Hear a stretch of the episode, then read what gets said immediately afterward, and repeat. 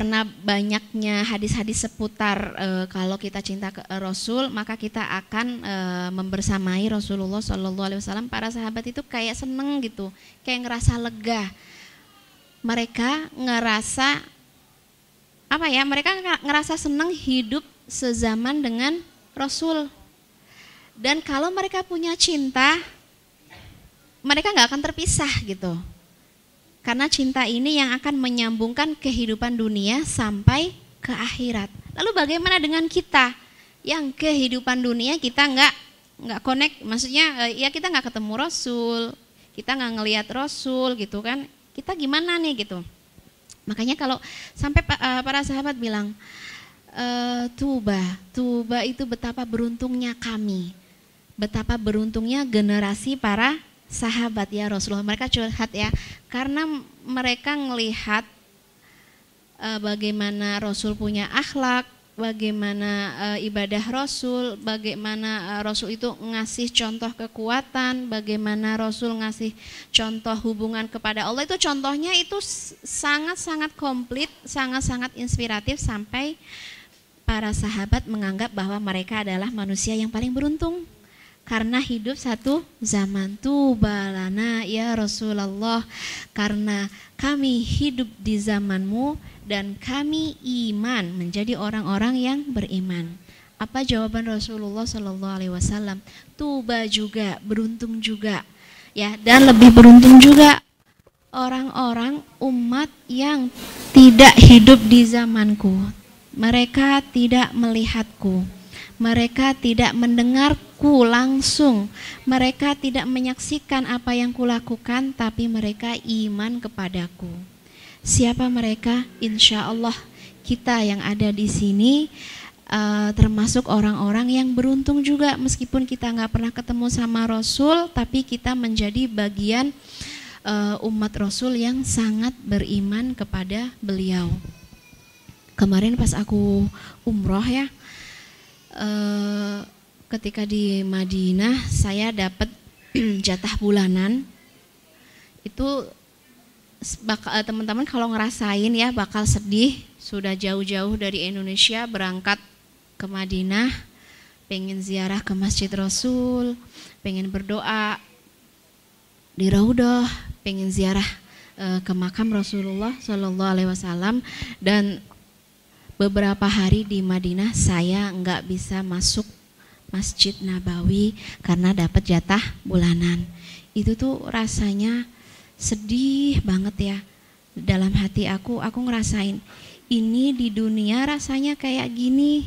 Gak bisa, aku ngebayangin aku di luar sana di teras. Sedangkan teman-teman aku yang berangkat dari Indonesia bisa ngumpul bersama Rasulullah. Bisa masuk ke masjid Rasulullah bisa berdoa, bisa berzikir, bahkan e, bisa ziarah ke kubur Rasulullah dan mengucapkan assalamu alaika ya Rasulullah. Itu buat orang yang hanya berdiri di teras, hanya duduk di teras itu rasanya sangat menyakitkan. Oh, begini ya rasanya ya. Yang lain pada masuk, saya sendiri yang enggak masuk. Yang lain saya bayangin, yang lain udah ketemu sama Rasul dan aku enggak ketemu. Yang lain udah ngobrol, udah curhat, udah cicet sama Rasul dan aku enggak bisa ketemu. Itu tuh kayaknya kayak dihalang-halangi banget gitu ya Allah. Ya enggak, maksudnya ini kenapa uh, uh, aku punya visual kayak gitu? Karena ya itu tadi aku punya iman gitu. Meskipun di, di dalam masjid itu nggak ada Rasul di dalam masjid itu Rasul Rasul sudah wafat dah nggak ada. Tapi di hati aku di situ ada Rasul gitu. Nah kenapa aku menjadi e, menjadi lebih sedih lagi? Aku ngebayangin kalau di dunia rasanya kayak gini teman-temanku ngumpul dan aku nggak bisa ngumpul. Bayangin kalau itu di akhirat. Semua saudara kita keluarga kita sudah berkumpul dengan Rasulullah dan kita hanya berada di kejauhan. Dan kita hanya dan kita di misalnya ya dihalang-halangi gara-gara kita kurang bersolawat misalnya.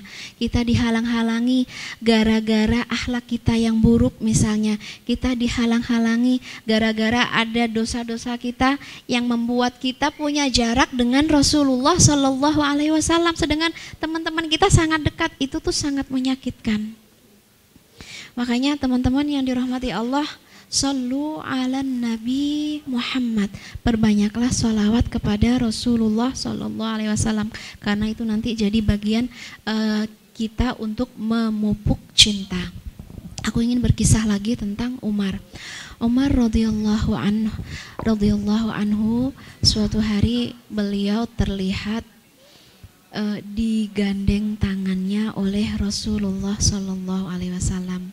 Bayangkan digandeng tangannya oleh imamul muttaqin, imamnya orang-orang yang bertakwa.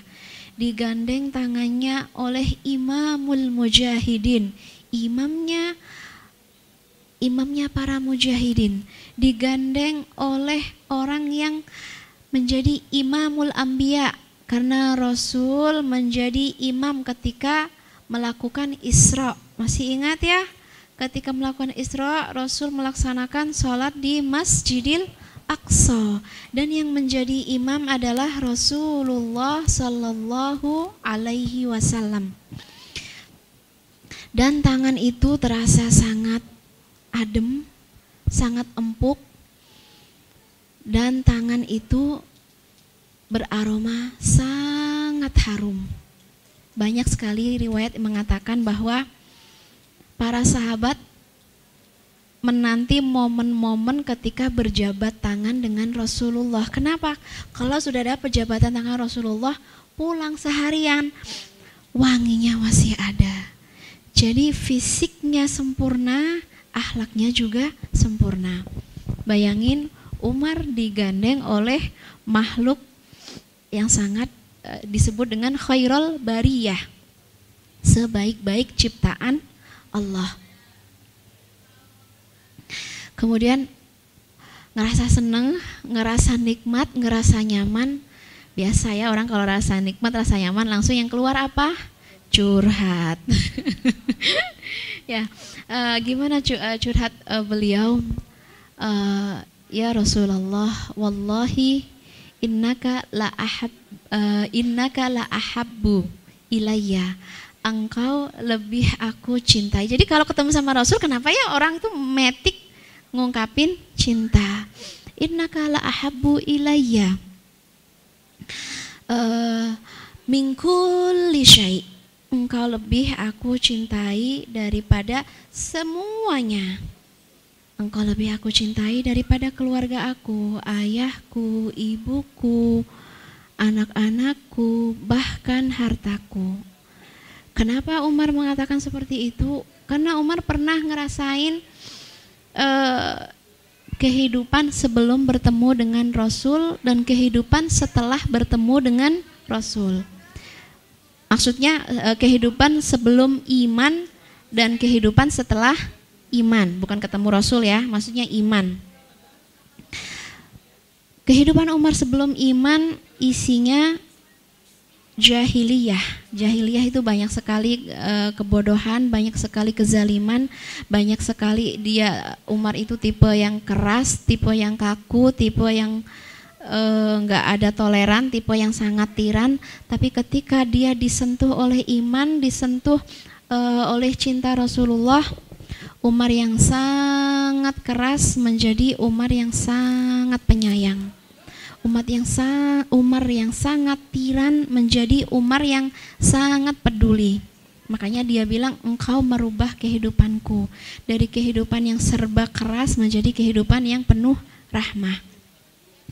Jadi engkau menunjukkan kepada kami kebenaran ketika kami menyembah uh, menyembah maaf ya e, menyembah berhala, menyembah sesuatu yang yang enggak layak disembah, engkau menunjukkan kami kepada Allahu Ahad, zat yang maha satu, zat yang kami tidak menyembah sekarang ya kecuali kepadanya.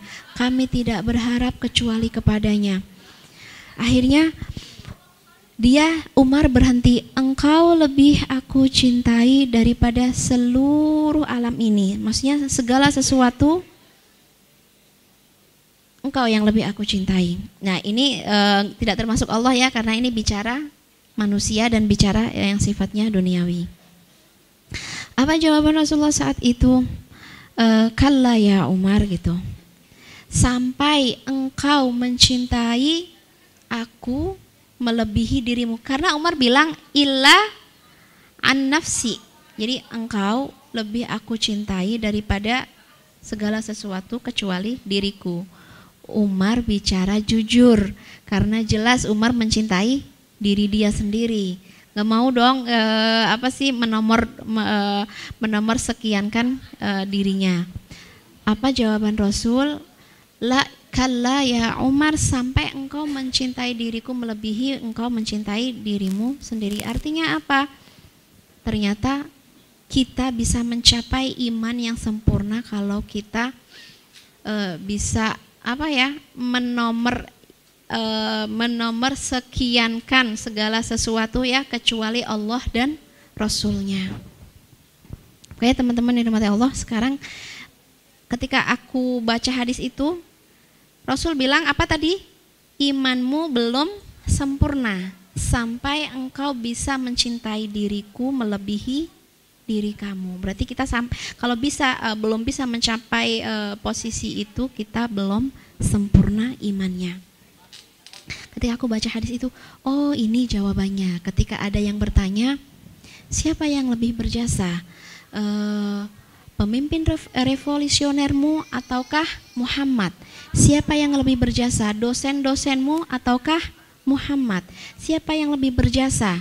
Ya kan?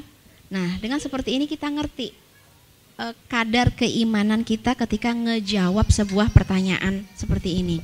Nah, teman-teman yang dirahmati Allah, mungkin kayaknya gimana ya caranya gitu kita bisa ngedapetin uh, apa ya posisi cinta sampai kayak gitu. Karena memang teman-teman ya, ruang hati kita itu seperti lemari, ruang ya. Kalau kita ngatur, ya sesuai dengan aturan kita bener nggak? Kerudung di mana? Kerudung di belah kanan. Terus gamis di mana? Gamis di belah kiri. E, terus aksesoris di mana? Aksesoris di bawah. Nah itu siapa yang mengatur? Kita. Begitu juga ruang hati kita.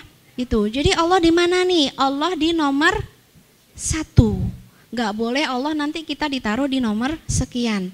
Kemudian eh, Allah di mana? Allah di nomor satu. Kemudian yang nomor dua siapa? Yang nomor dua harus Rasulullah Shallallahu Alaihi Wasallam. Yang nomor tiga siapa?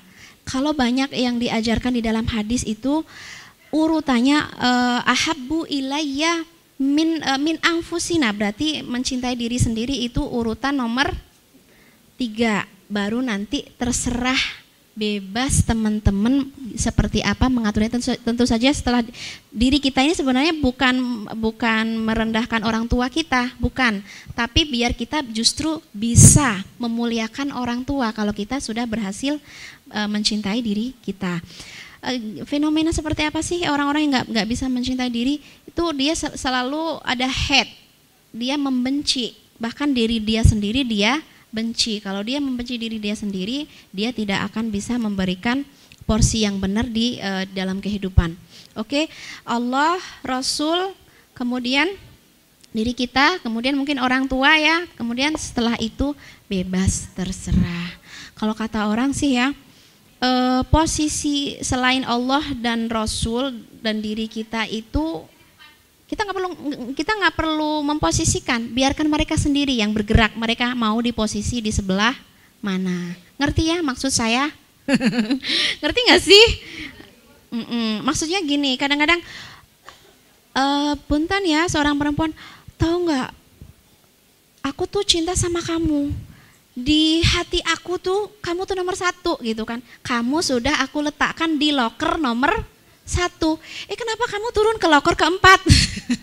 ya sudah kalau dia mau turun ke loker keempat jangan dipaksa dia di loker satu. Ngerti nggak maksudnya?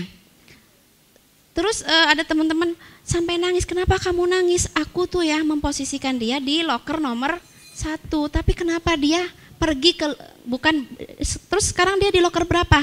Tidak di loker satu, tidak di loker empat, dia keluar dong dari hatiku.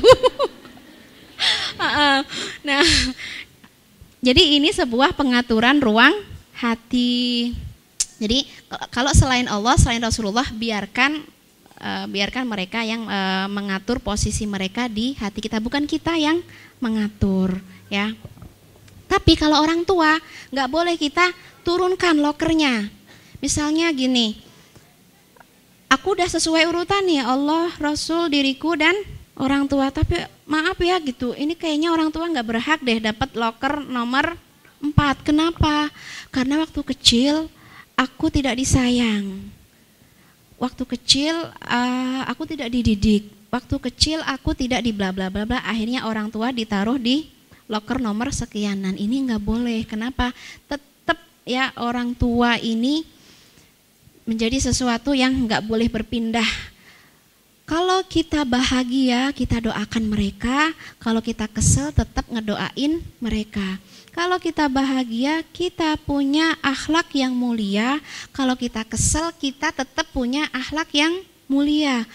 Kalau bahkan misalnya ya teman-teman, kalau ada yang mualaf, misalnya orang tuanya masih di agama lama, kemudian uh, sang mu'alaf memilih Islam, dia juga nggak boleh nurunin posisi orang tua, tetap orang tua uh, punya posisi yang tinggi, ya meskipun uh, apa ya kita tetap cinta, tetap sayang, tapi nggak apa ya kita nggak sudah nggak mematuhi segala sesuatu yang sifatnya maksiat kepada Allah. Jadi teman-teman coba sekarang pegang ruang hati. Boleh dipegang ruang hatinya. Oke, pastikan menemukan ruang hatinya. Bismillah. Ya Allah, Bismillah. Ya Allah, bantu kami menata ruang hati kami agar yang menduduki posisi pertama adalah engkau. Jangan biarkan posisi nomor satu diduduki yang lain. Pastikan nomor satu adalah Allah. Jangan pernah tercabut, tergantikan dengan selain Allah. Jangan pernah bergeser sedikit pun sekali Allah tetap Allah. Ya Allah bantu kami untuk menata ruang hati nomor dua. Izinkan kami merasakan cinta kepada Rasulullah Shallallahu Alaihi Wasallam. Jangan sampai posisi kedua ini kami juga salah menempatkan sehingga kami tempatkan yang lain dan itu menyulitkan diri kami sendiri. Ya Allah, urzukna hubbar rasul. Berikan kami rejeki mencintai Rasulullah Sallallahu Alaihi Wasallam. Sehingga hanya dengan ibadah kami yang lemah, kami bisa berkumpul dengan Rasulullah. Sehingga dengan akhlak kami yang masih lemah, kami tetap bisa bertemu dengan Rasulullah. Sehingga dengan segala kekurangan kami, kami tetap menjadi umat Rasulullah Sallallahu Alaihi Wasallam. Posisikan itu ya Allah, jangan bergeser. Setelah itu ya Allah, berikan porsi-porsinya sesuai dengan yang Engkau ridhoi. Jika cinta kami membawa manfaat dekatkan kami kepada cintanya. Jika cinta kami membawa ketaatan, dekatkan kami kepada cintanya. Namun jika cinta kami menjauhkan dari cintamu, jika cinta kami makin membuat kami bermaksiat ya Allah, cuman engkau yang bisa menyeret kami, cuman engkau yang bisa mendidik kami, cuman engkau yang bisa memberikan cinta hakiki Ya Allah, bantu kami menata ruang hati kami agar kami tidak salah ya Allah. Gimana rasanya teman-teman? Ngerasa lebih nyaman? pastikan ya pokoknya kalau udah ada rusuh rudet wah ini kayaknya posisinya harus di ini lagi teman-teman uh, apa sih lemari kita sering balatak nggak